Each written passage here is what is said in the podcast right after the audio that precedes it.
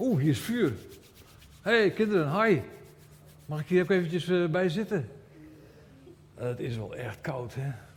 Weten jullie wanneer voor het laatst een witte kerst was? In 2010. Dat is al elf jaar geleden.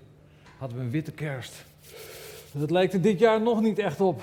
Maar het is wel koud. Wat zou het mooi zijn? Lekker sneeuw. Wat zou het heerlijk zijn? Lekker sneeuwballen maken.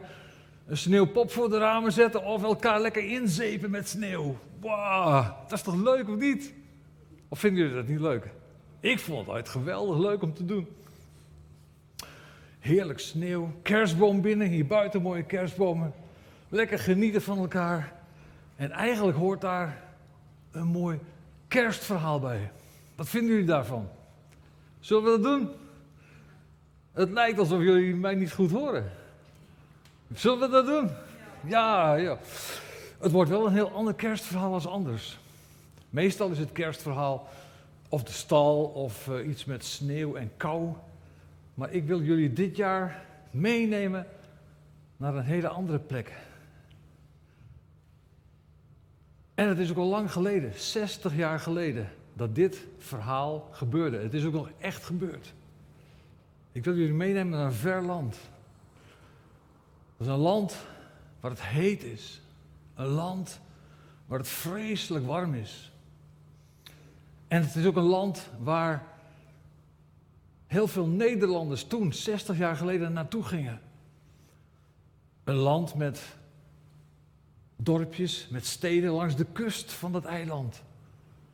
En er gingen heel veel Nederlanders heen als militair en als politieagent en mensen om te werken. Het was allemaal niet zo spannend. Maar het land had voornamelijk allemaal moeras. Dat was binnen in het land. waren grote jungles, zo Jamani-achtig. Als je heel goed hoort, hoor je in de verte dat er aan die riviertjes en aan het moeras dorpjes waren gebouwd. Soms communiceren en praten ze met elkaar. Met de trommels, luister maar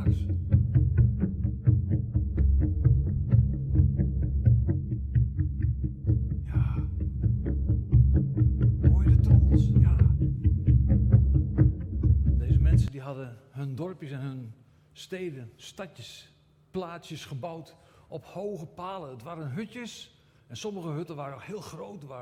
Dat was het mannenhuis, daar kwamen de mannen bij elkaar. Maar sommige hutjes, die waren echt voor de gezinnen en die stonden allemaal op hele hoge palen. Dat hadden ze gedaan omdat het daar heel gevaarlijk is. Daar bij al die kreek, kreekjes en riviertjes en moeras, daar waren giftige slangen. En er waren ook krokodillen.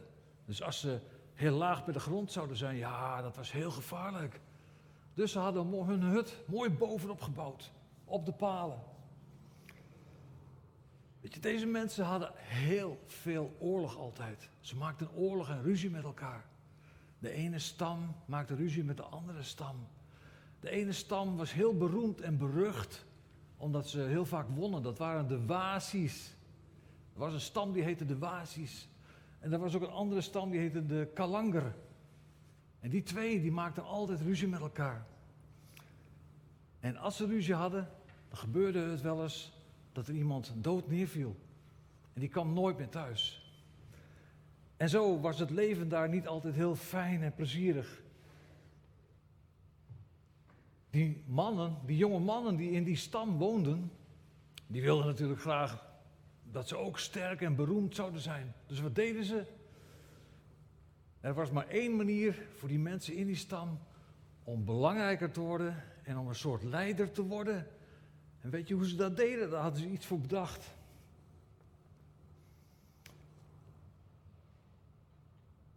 Deze mensen probeerden van de andere stam, een vijand, hun vriend te maken. Ik weet niet of jij dat wel eens gedaan hebt.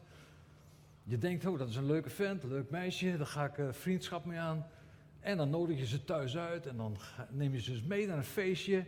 En ja, er gebeuren allerlei leuke dingen. Nou, deze mensen hadden bedacht, wij nemen een vijand en daar maken wij een vriend van. En dan zeggen we dat ze vrienden zijn. En dan nemen, nodigen we ze uit op een feest, een dansfeest. Ze hadden vaak een dansfeest met volle maan. En ze nodigden iemand uit dan om te eten bij hem thuis. één keer, twee keer, zes keer, zeven keer soms wel. En diegene, die vijand, die voelde zich helemaal op zijn gemak. Die dacht, wow, ik heb vriendschap met iemand met wie we vroeger altijd vijand waren. Wat fijn dat het nu goed is. En als ze dan zeven of acht keer geweest waren, wat gebeurde er dan? Dan werd diegene die dacht dat hij een vriend was, ja, het is een heel raar kerstverhaal, maar die werd vermoord. Dus dat was heel sluw en heel gemeen. En hoe sluwer en gemener dat jij het deed, hoe meer het dorp dacht waar jij woonde van, wow, nou dat is een geweldige vent. Die heeft het zo goed gedaan. Dus hoe gemener jij was, hoe belangrijker je werd. Hoe meer uh, ja, sluw dat je was en kon, en kon verleiden, des te meer macht kreeg jij. Ja, dat was natuurlijk heel raar. En ondanks dat ze zo sterk waren en dachten dat ze, dat ze geweldige strijders waren, hadden ze toch altijd angst. Iedere dag opnieuw. Ze waren bang voor de, voor de onzichtbare wezens uit de rivieren, uit het bos. Daar waren ze bang voor. Als er een mistvlart, een beetje mist opkwam uit die rivier, dan waren ze doodsbang. Dan waren ze bang dat die mist hun achterna zou gaan en ze zou pakken. Kon natuurlijk niet, maar dat wisten ze niet. En zo waren ze ook bang voor de jungle. Ze wisten niet wat er achter een boom was. Of misschien was er wel een wezen in de boom. Rare verhalen, hele rare denken. Maar zo dachten zij, de, de, de, de en de Kalangers. Altijd bang voor de onzichtbare wereld. En weet je, God kenden ze niet. Ze hadden nog nooit van God gehoord. In hun taal wisten ze niet eens wat het woord was voor God. Dat bestond niet bij hun. Ze wisten niet of er een God was of niet. Maar daar kwam snel verandering in. Don en Carol, samen met hun zoontje, die voelden dat ze in hun hart geroepen werden. En dat als, alsof God tegen hun zei van, jullie moeten nu daar naar die binnenlanden gaan. Niet naar een ander land waar het fijn is of, of goed is. Of, jullie moeten naar die binnenlanden gaan, want die stammen daar die hebben ook het evangelie nodig. Die moeten weten wie Jezus is. Dus Don en Carol, die baden ervoor. En die waren er steeds voor in gebed. op een gegeven moment wisten ze, wij moeten daarheen. Wij moeten daar naar die stammen toe gaan. Hoe gevaarlijk het ook is, we moeten daar tussen gaan wonen. Die stammen die hadden nooit witte mensen gezien. Laat staan dat ze ooit een bootje hadden gezien met een dieselmotor. Dus op een gegeven moment waren Don en Carol onderweg naar die stammen over dat riviertje dat zo kronkelde en kronkelde. En die, en die dieselmotor die, die, die pruttelde en die dwars door het water heen. En de boeg van het bootje, er kwamen van die witte schuimkoppen aan de zijkant. Maar dat geluid, dat hadden ze al lang gehoord bij die stammen. Dus die stammen die dachten van, wat gebeurt daar? Wat is daar? En die stammen die, die stuurden verkenners en die stonden achter een boom en in de struiken te kijken wat er op die rivier gebeurde. En daar zagen ze in de verte het bootje aankomen met die grote witte schuimkoppen. En, zo, en dat enorme geluid wat ze niet begrepen wat het was. Dus ze vluchten allemaal weer de jungle in, doodsbang. Maar het meeste bang waren ze van die witte mensen. Weet je, de stammen waren sterke mensen, maar die waren maar 1,50 meter of 1,60 meter lang. En Don, de zendeling, die was bijna 2 meter lang. Dus die stond er in die boot, een witte man van 2 meter lang. En die, die, die, van de stammen, die, die, die waren dat aan het bekijken. Die dachten van, wat is dit? Dat, dat, dat zijn gevaarlijke mensen, dat kan niet anders. Of het zijn mensen van de geesten, of het zijn gevaarlijke mensen. Wij noemen ze Tuans. Tuan is een witte, gevaarlijk mens. Je kan je voorstellen dat het heel lang heeft geduurd. Toen Don en Carol, Tuan Don en Tuan Carol, een hut hebben gebouwd op het gebied van de Savis, van de stammen daar. Dat heeft lang geduurd. Ze waren eerst een eind uh, verder, hadden ze iets gemaakt. Ze vrede met die stammen. En ze leerden heel langzaam de taal kennen. Dan konden ze een klein beetje praten met ze, een klein beetje vertellen over wie ze waren, wat ze, wat ze kwamen doen. En dat duurde echt heel lang. Dus, maar ze kwamen om het evangelie te brengen. Dat was hun doel, dat was hun missie. Zij hadden nog nooit van een God gehoord. Maar Don en Carol kwamen daar omdat ze wisten, ook die stammen hebben Jezus nodig. En ze leren eindelijk de taal goed spreken. En dan mogen ze vaker ook in het mannenhuis komen. Dat was een plaats, daar werden de vergaderingen gehouden. En daar was het, daar was het belangrijk als je daarbij hoorde. En Don mocht even, op een gegeven moment ook in dat mannenhuis komen. En zo kon hij beginnen om het evangelie uit te leggen aan de Sabi's. Hij legde het allemaal uit, hoe de Heer Jezus kwam naar deze wereld. En hoe hij wonderen deed. En hoe hij vertelde over het koninkrijk van God. En hoe hij, ja, uiteindelijk richting het kruis en de kruisdood ging. Maar vlak daarvoor was het verhaal van Judas. En Don vertelde het verhaal dat Judas drie jaar lang optrok met de Heer Jezus, met zijn vriendengroep. Drie jaar lang een vriend was van de Heer Jezus. En dan ineens een verraadt hem. En de hele stam stond op. En die waren, ja, hoe, dat is, dat, hij is de held. Want hij heeft precies gedaan zoals wij het ook altijd doen. Hij is de held van geweldig, drie jaar lang. En Don zat daar en hij wist niet meer wat hij moest zeggen. Judas was de held, de belangrijkste. Hij zou zo stamhoofd kunnen worden. En Jezus, daar was geen belangstelling meer voor. Want Judas had precies gedaan zoals zij het ook altijd deden. Verraden, listig en sluw. Dus hij was de held. Don en Carol zaten voor hun hut en ze waren kapot, gebroken. Heere God, hoe kan het toch? U hebt ons deze opdracht gegeven om hierheen te gaan. En wij vertellen nu het evangelie. En nou is Judas de held en de Heer Jezus is eigenlijk in hun ogen niks. Hoe moet het toch? Laat ons toch zien hoe we dit moeten doen. En ze zitten daar en ze wachten. Geef ons die sleutel. Geef ons de oplossing. Dan weten ze het nog steeds niet. En dan zijn ze zo teleurgesteld. Ondertussen waren die twee stammen van de, eh, de, de, de Sabi's en de Kalang, Kalangis, die waren altijd in oorlog met elkaar. Die woonden vlak bij het terrein van Tuan Don en Tuan Carol. Altijd ruzie. Om de kleinste dingen sloegen ze iemand helemaal murf. Ze hadden, ze hadden bijlen, ze hadden uh, speren en messen. Maar weet je wat het was? Zij, zij leefden nog in de tijd van de, ja, dus het stenen tijdperk. Er was nog nooit iemand daar geweest. Ze leefden in het stenen tijdperk. Het betekende dat die bijl die werd gemaakt van een steen. Die werd afge, afgekapt steeds, afgeslepen. Net zolang tot die eindelijk scherp was. Alles was versteen daar.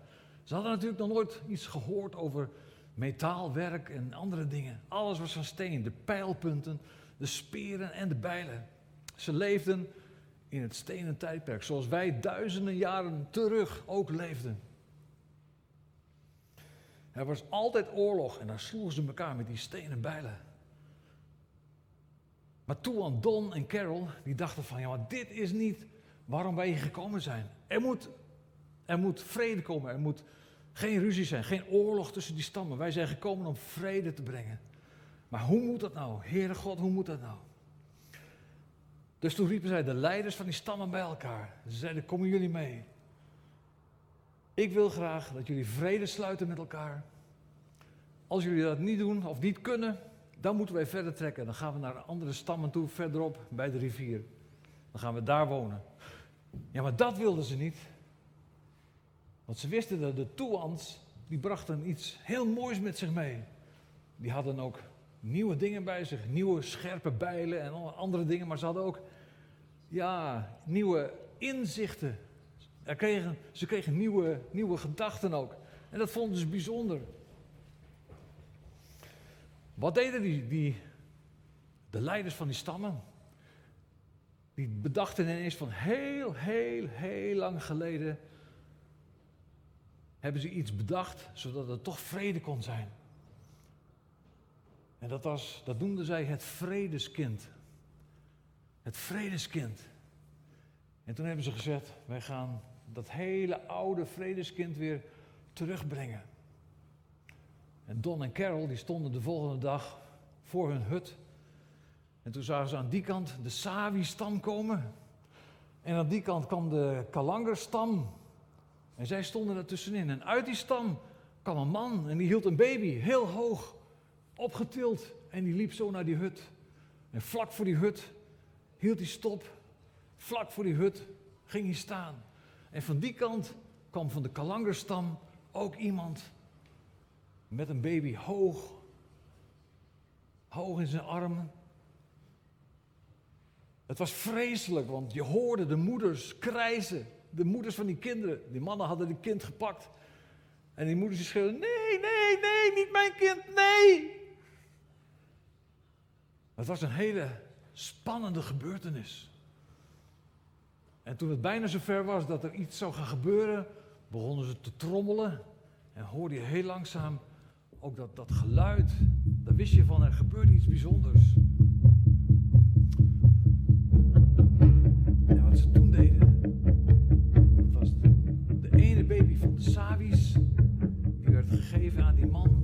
Baby had van de Kalangoe.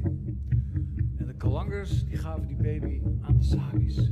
Zo ruilden ze de baby's om en werd de baby van de Sawi, die, was, die werd een, een, zoon van de andere stam.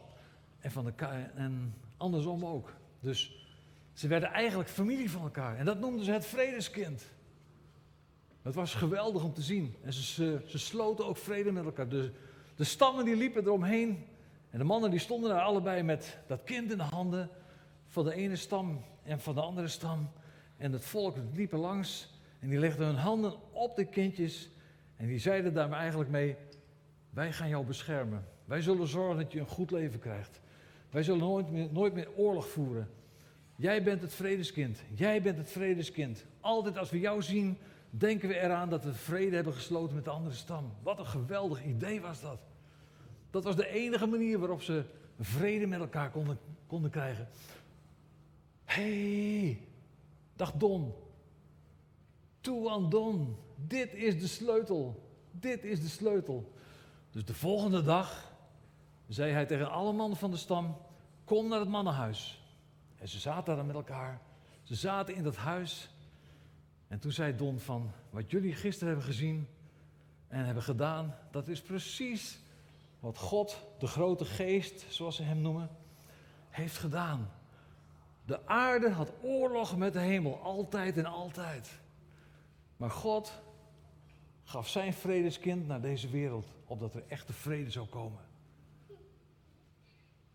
En toen Don sloeg zijn Bijbel open in Jesaja 9, vers 5. En daar spreekt hij van, een kind is ons geboren, een zoon is ons gegeven. En men zal hem noemen wonderbare raadsman, eeuwige vader en de vredevorst. Een zoon is ons gegeven. Dat deden zij dus ook. En hij werd genoemd de vredevorst. Zo heette het kind ook bij de Sabi's. En op dat moment begrepen ze wat God wilde doen in hun levens en bij hun stammen. Vrede door de komst van het vredeskind van God. En dat was de eerste keer dat er in die stammen, tussen de moerassen, voor het eerst kerst werd gevierd bij de Sabi's. Het was voor de Sabi's en het is voor ons, het vredeskind. En het is voor iedereen. En vanuit de jungle zeggen wij, gezegend kerstfeest.